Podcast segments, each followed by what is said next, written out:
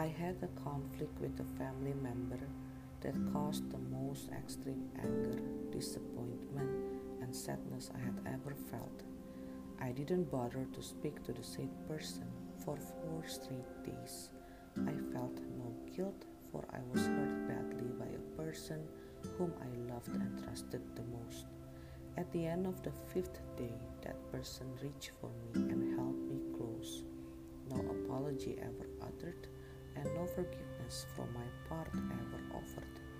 On the sixth, seventh, and eighth days, we were circling around each other, contemplating on who's going to be the bigger person who would mend the broken relationship.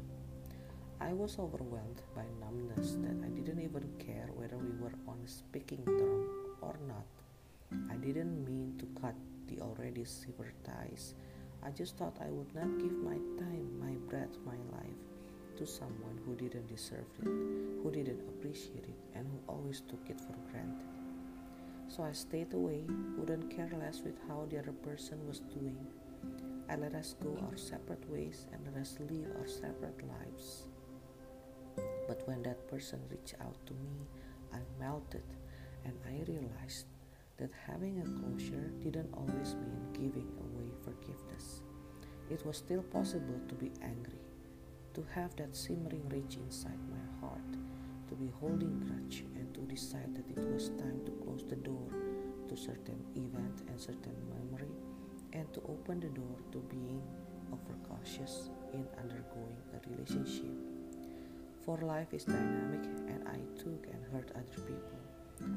And disappoint them and insist that I do no wrong, that they just have got to accept who I am. With that one embrace, I had my closure. It's not that I would forgive and forget what that person did to me. No, I would never do that. But I chose my battle and I chose it very well. I could be on speaking term and caring again, but the awareness would always be there That person betrayed me once and I might do it again sometime in the future. I needed to be on guard all the time, being really careful on how the world was going on around me. I had got my closure and I was relieved. I was okay after I admitted that I was okay to be angry, sad, and disappointed. Overall, it was okay to be not okay.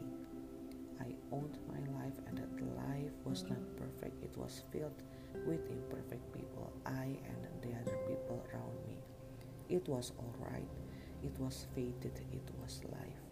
I had my closure and I was okay.